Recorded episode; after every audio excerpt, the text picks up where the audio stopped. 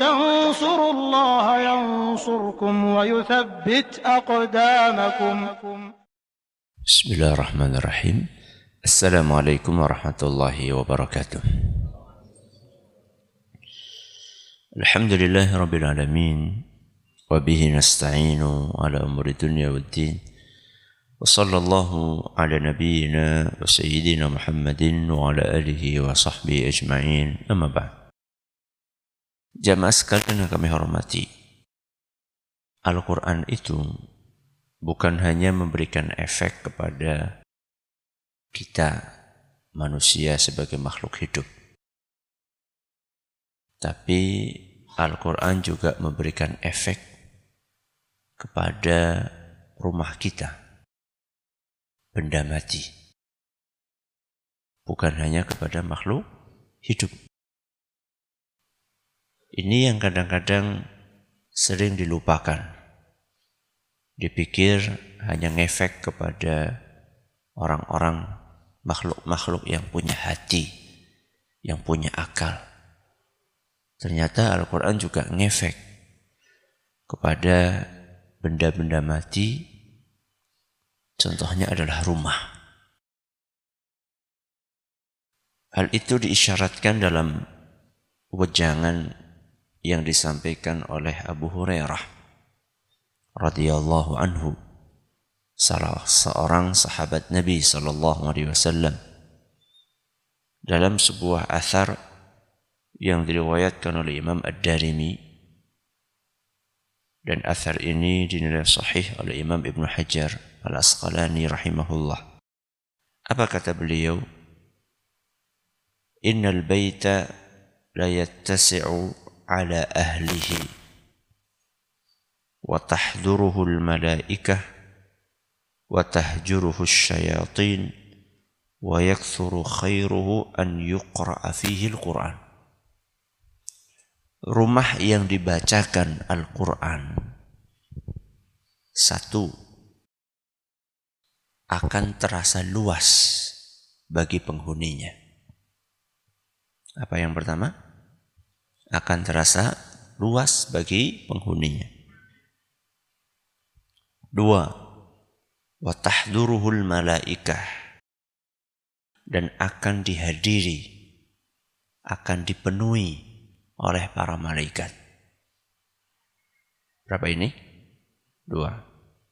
Tiga, watahjuruhus syayatin dan syaitan akan pergi meninggalkan rumah tersebut.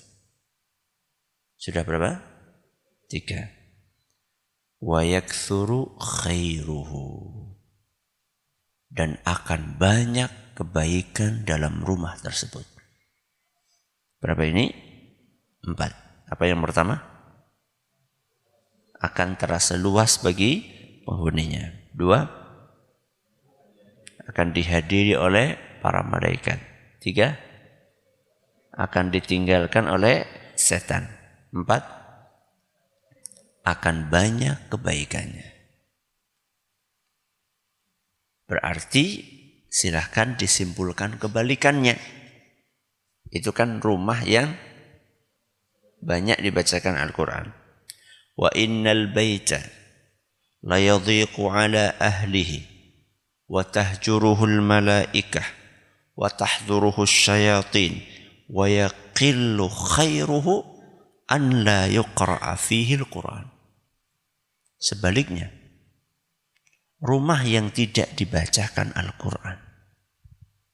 Satu, dibalik apa?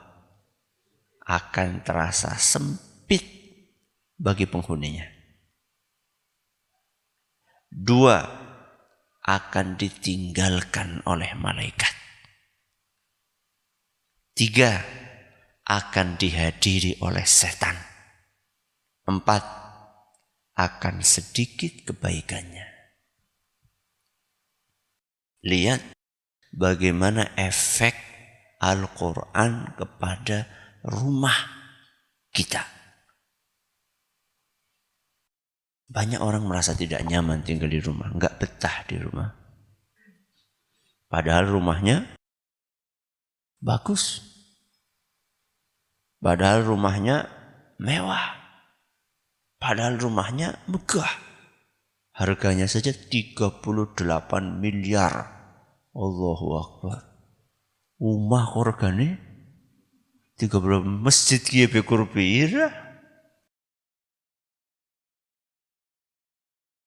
Tapi apakah orang yang tinggal di dalamnya nyaman? Nyaman enggak? Ya tergantung. Belum tentu juga rumah yang sempit itu nyaman. Tergantung apakah sering dibacakan Al-Quran atau tidak. Nah, yang paling nggak enak itu wis umay sempit atau maca Quran halas tambah nggak karu-karuan. Jadi Al-Quran itu membuat efek rumah terasa luas. Walaupun mungkin rumahnya itu kecil. Perasaan luas atau sempit itu kan salah satu yang berpengaruh adalah faktor apa? Perasaan. Ketika orang merasa nyaman, walaupun sempit, ya dia akan terasa luas. Nah, perasaan itu kan di hati. Hati itu kan yang menguasai siapa? Allah. Sehingga orang-orang yang hidupnya berada di rumah-rumah yang mungkin sangat sederhana, ketika dia rajin membaca Al-Quran, maka rumah itu akan terasa luas. Tidak terasa sumpek. Apalagi rumah-rumah itu didatangi oleh sinten malaikat. Dan malaikat itu rata-rata membawa kebaikan. Apalagi malah itu malaikat rahmah. Malaikat pembawa rahmat. Asyiknya lagi setan-setannya pada apa? Nyingkir. Lihat ya. Dibacakan Al-Quran. Bukan ditempeli Al-Quran. Ada sebagian orang mengusir setan. Ditempeli apa? ayat kursi di setiap kamar tempel di ayat kursi ben setannya apa orang betah ya tergantung jenengan baca nggak itu ayat kursi di rumah Lalu ditempeli ayat kursi sing disetel dangdut. Ya orang nyambung prak. Ya. Nggak nyambung bu. Harusnya yang dibacakan ya Al-Quran. Sehingga betul-betul setannya akan apa? Akan pergi. Wa yaksuru khairuhu. Kata Abu Hurairah radhiyallahu anhu dan kebaikan yang ada di rumah itu akan banyak. Di sini nggak disebutkan kebaikan dalam hal apa. Berarti semuanya. Kebaikan anak-anaknya, kebaikan istrinya, kebaikan suaminya, kebaikan pembantunya, kebaikan rizkinya, kebaikan hubungan yang ada di dalamnya antara suami dengan sinten istri, antara anak dengan orang tua, antara orang tua dengan anak. Akan banyak kebaikannya. Di sini Nabi SAW tidak mengatakan, eh, bukan, Abu Hurairah tidak mengatakan akan baik kebaikannya dalam bidang anu, tidak dalam bidang itu, enggak. Cuma dikatakan wayak suruh khairuhu, kebaikannya akan banyak dalam segala hal. Kebalikannya, rumah yang tidak dibacakan Al-Quran di dalamnya, orang-orangnya kalau suruh baca Quran males, kebanyakan apa? alasan. Alas bewis amba apa mending alasan. Ada saja rasanya. Ngantuk. Apalagi? Kesel. Apalagi? Sibuk. Sibuk apa? Sibuk HP-an iya, iya alasan ada saja ya. rumah yang enggak pernah dibacakan Al-Quran kalau tadi didatangi malaikat, ini apa? Didatangi setan. Malaikatnya pada pergi. Makanya di dalam rumah itu bawaannya marah, gelisah, gak nyaman. Itu indikator rumah itu dipenuhi oleh setan. Cuma kesenggol dikit, nopo? Marah. Cuma istri bikin kopi agak apa? Agak pahit dikit. Cuma agak mungkin kopi ya pahitnya. Legi ya sirup. Ya. Namanya kopi pahit ya wajar loh. Ya tapi kan kepahitan ya cuma kan kadang-kadang saja. Cuma gara-gara itu saja langsung marah-marah. Gampang banget kecentok. Gampang banget ter terpicu, terpancing emosinya. Wow bahaya itu. Bisa jadi memang umaya kayak apa nih? Setan. Akeh setannya malah ngundang dukun. Ya tambah apa? Tambah nambahi setan wong dukune besetan. loh minal jinnati wan nas. Ya, setan itu kan ada dua dari kalangan jin dan manusia. Bukan itu solusinya. Rumah banyak setannya, solusinya diapakan? Dibacakan Al-Quran. Wa yakillu khairuhu. Dan akan sedikit kebaikan di rumah itu. Sedikit di sini tidak mesti dalam bentuk materi. Mungkin materinya apa? Banyak tapi manfaatnya sedikit. Materinya duitnya mungkin banyak, oh, gajinya gede kok.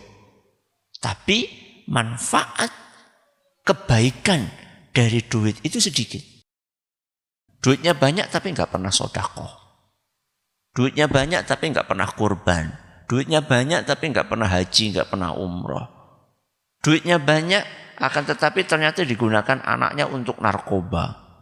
Na'udzubillahimin zalik.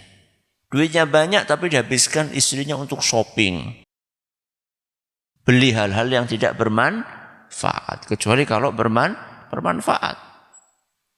Jadi inilah efek Al-Quran dalam kehidupan kita sehari-hari. Kita ulangi, rumah yang sering dibacakan Al-Quran, apa efeknya? Satu,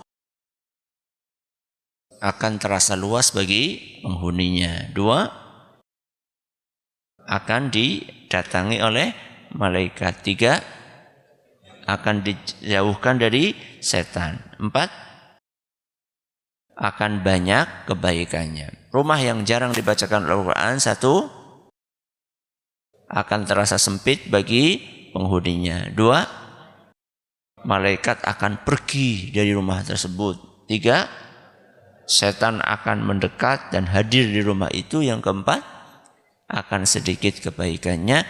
Mudah-mudahan setelah ini kita semakin terpacu, termotivasi untuk membaca Al-Quran. Jadi jangan baca Al-Qurannya cuma di masjid ini saja hari Ahad pagi. Bergue terus, dada. Jangan. Di mana pun, dalam kesempatan apa pun, apalagi di rumah kita, perbanyaklah membaca Al-Quran, mengkajinya, mengamalkannya. Subhanakallahumma bihamdik. Asyhadu an la ilaha illa anta astaghfiruka wa atubu ilaik. Assalamualaikum warahmatullahi wabarakatuh.